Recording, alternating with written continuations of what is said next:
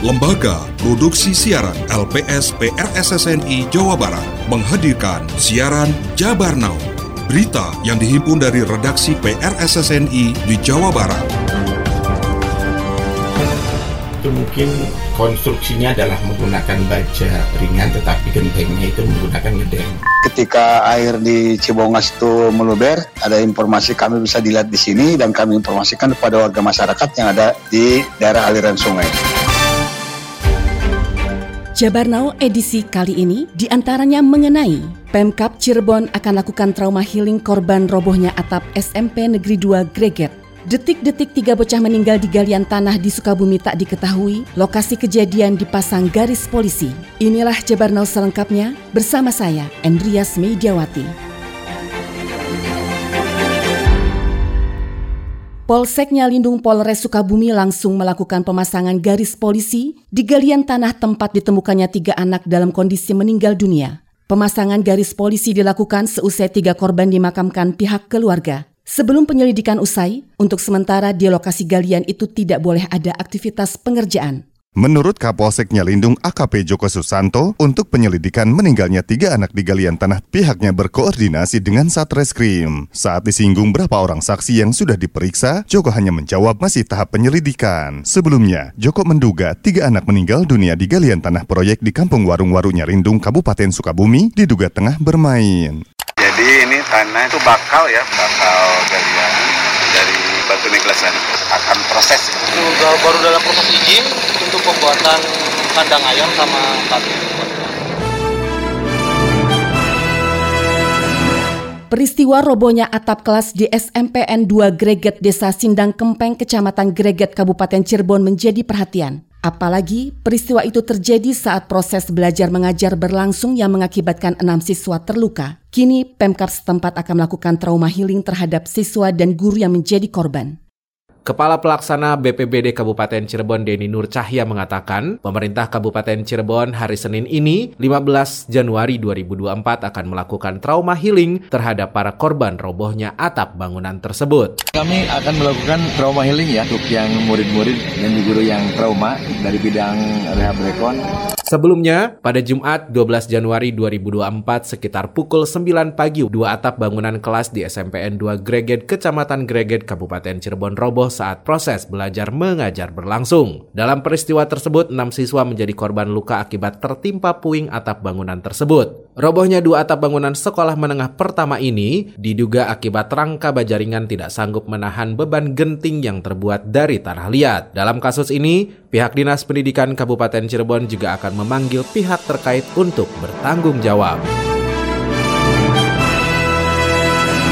Masih informasi terkait, Disdik Kabupaten Cirebon akan mengevaluasi serta mengklarifikasi dengan pihak terkait penyebab ambruknya atap baja ringan SMPN 2 Greget yang baru dibangun 2022 lalu. Kepala Dinas Pendidikan Kabupaten Cirebon, Ronianto, cek lokasi di SMP Negeri 2, Desa Sindang Kempeng, Kecamatan Greget, yang diketahui ada satu atap ruang kelas, satu ruang guru, dan satu atap ruang WC runtuh serta korban akibat peristiwa itu 6 siswa dari 32 siswa. Ronianto sampaikan keprihatinannya terkait runtuhnya atap sekolah yang terjadi pada saat kegiatan belajar mengajar. Menurutnya, Disdik akan mengevaluasi serta mengklarifikasi dengan pihak terkait apa penyebab ambruknya atap baja ringan yang baru dibangun pada 2022 lalu. Diduga karena konstruksi atap terbuat dari baja ringan yang tidak kuat menahan beban terlebih semalam telah diguyur hujan. Itu mungkin konstruksinya adalah menggunakan baja ringan tetapi gentengnya itu menggunakan gedeng beton. Sehingga itu bebannya tidak sebanding gitu. Apalagi tadi malam hujan besar, jadi mungkin kena kenaan juga. Sehingga akan kita evaluasi. Badan Penanggulangan Bencana Daerah BPBD Kota Bekasi memasang kamera CCTV untuk memantau aliran kali agar siap menghadapi bencana banjir.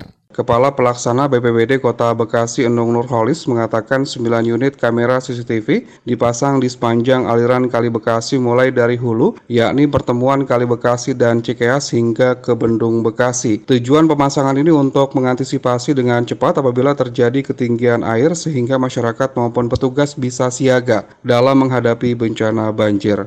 Kota Bekasi ini yang paling dominan bencananya banjir. Masang CCTV di 9 titik, di Hulu, di Cibongas, Bogor, Cilengsi. Jadi ketika air di Cibongas itu meluber, ada informasi kami bisa dilihat di sini dan kami informasikan kepada warga masyarakat yang ada di daerah aliran sungai. Masyarakat mempersiapkan diri gitu. Sebelum air datang sudah memulai menggunakan digitalisasi. Selain pemasangan kamera CCTV, Enung menyebut dalam menghadapi bencana pihaknya juga akan menambah 8 unit perahu karet serta berkoordinasi dengan komunitas penanggulangan bencana dari unsur masyarakat yang sudah dibentuk. Musim hujan telah tiba. Waspadai kawasan sekitar Anda yang berpotensi rawan bencana alam, longsor, banjir, angin puting beliung, dan lain-lain. Siagakan diri kita setiap saat, setiap waktu untuk meminimalkan korban jiwa. Tingkatkan siskamling antar warga Segera komunikasikan dengan pihak terkait bila ada tanda-tanda awal potensi bencana alam.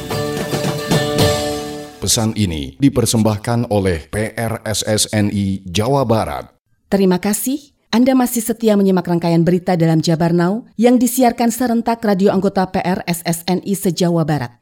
Saudara, Masuki musim hujan, apalagi kerap hujan dengan intensitas tinggi disertai angin, Polres Tasikmalaya imbau para pengendara tingkatkan kewaspadaan dalam perjalanan menyusul beberapa kawasan di Kabupaten Tasikmalaya rawan bencana longsor. Imbauan seperti disampaikan Kapolres Tasikmalaya AKBP Bayu Catur Prabowo. Bayu mengingatkan masyarakat berhati-hati karena memasuki musim penghujan ada berbagai titik jalan yang rawan terjadi laka lantas atau jalan yang licin. Termasuk menurut Bayu agar waspadai kawasan rawan longsor. Ia malahan meminta agar masyarakat menunda perjalanan jika cuaca sedang hujan intensitas tinggi. Ada kalanya hujan itu sangat ekstrim, masyarakat yang pertama perlu hati-hati juga perlu waspada. Jangan mengemudikan kendaraan dengan kecepatan yang tinggi karena kita khawatirkan jalan licin. Apabila melalui jalur-jalur yang rawan longsor, tolong lebih waspada. Bahkan kami menyarankan apabila curah hujannya begitu tinggi, menunda perjalanan terlebih dahulu. Kalaupun itu sangat terpaksa, silakan tapi tetap waspada. Diketahui sebelumnya, pekan lalu arus lalu lintas Jalan Garut Tasikmalaya sempat diberlakukan buka tutup menyusul saat petugas gabungan lakukan evakuasi material longsoran di wilayah Desa Tenjo Waringin, Kecamatan Salawu, Kabupaten Tasikmalaya. Satlantas Polres Bogor melakukan razia di Jalan Raya Tegar Beriman, Kabupaten Bogor. Razia menjaring kendaraan yang menggunakan knalpot tidak standar atau knalpot brong. Tidak hanya motor mobil yang kedapatan menggunakan knalpot brong juga diamankan petugas dan diberikan sanksi berupa sanksi tilang. Selain knalpot brong, dalam razia kali ini petugas juga menjaring para pengendara motor yang kedapatan tidak menggunakan helm. Untuk memberikan kenyamanan kepada masyarakat, razia knalpot brong ini akan terus digelar hingga tanggal 19 Januari mendatang yang dilakukan di beberapa titik yang ada di Kabupaten Bogor kami laksanakan penindakan dan roda dua khususnya yang lebih dominan. Memang karena prioritas sasaran prioritas utama kami laksanakan penindakan kenal potbrong. Namun demikian apabila memang ada pelanggaran kasat mata lain seperti tidak mempergunakan helm itu juga termasuk menjadi salah satu sasaran prioritas untuk penindakan. Pihaknya menghimbau demi kenyamanan masyarakat di bumi Tegar Beriman untuk pengendara roda 2 dan 4 untuk tidak menggunakan kenal pot brong. Dan apabila kedapatan pengendara dengan menggunakan kenal pot brong atau bising akan dikenakan Undang-Undang Lalu Lintas Jalan nomor 22 tahun 2009 pasal 285 ayat 1 dengan ancaman pidana 1 bulan penjara atau denda paling banyak Rp250.000. Dalam waktu sepekan, Korps Lalu Lintas Mabes Polri mengklaim telah berhasil menyita sebanyak 430 ribu knalpot bising dari hasil razia yang dilakukan oleh jajaran lalu lintas di seluruh Indonesia. Dalam kurun waktu sepekan, Korps Lalu Lintas Mabes Polri mengklaim telah berhasil menyita sebanyak 430 ribu knalpot brong atau bising dari hasil razia yang dilakukan oleh jajaran lalu lintas di seluruh Indonesia. Kakor Lantas Polri, Inspektur Jenderal Polisi Aan Suhanan mengatakan, selain melakukan penertiban terhadap pengguna kendaraan berknalpot brong, pihaknya juga akan terus mengedukasi masyarakat terkait pelanggaran jika menggunakan knalpot brong atau bising.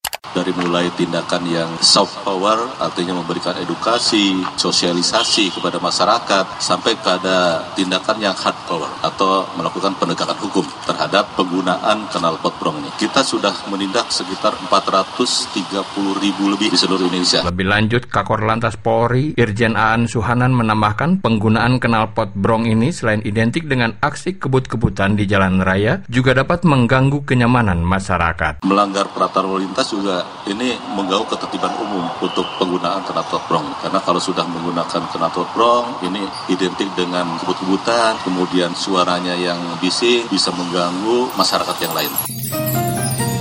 Terima kasih. Anda telah menyimak siaran berita Jabar Now yang diproduksi oleh Lembaga Produksi Siaran LPS PRSSNI Jawa Barat.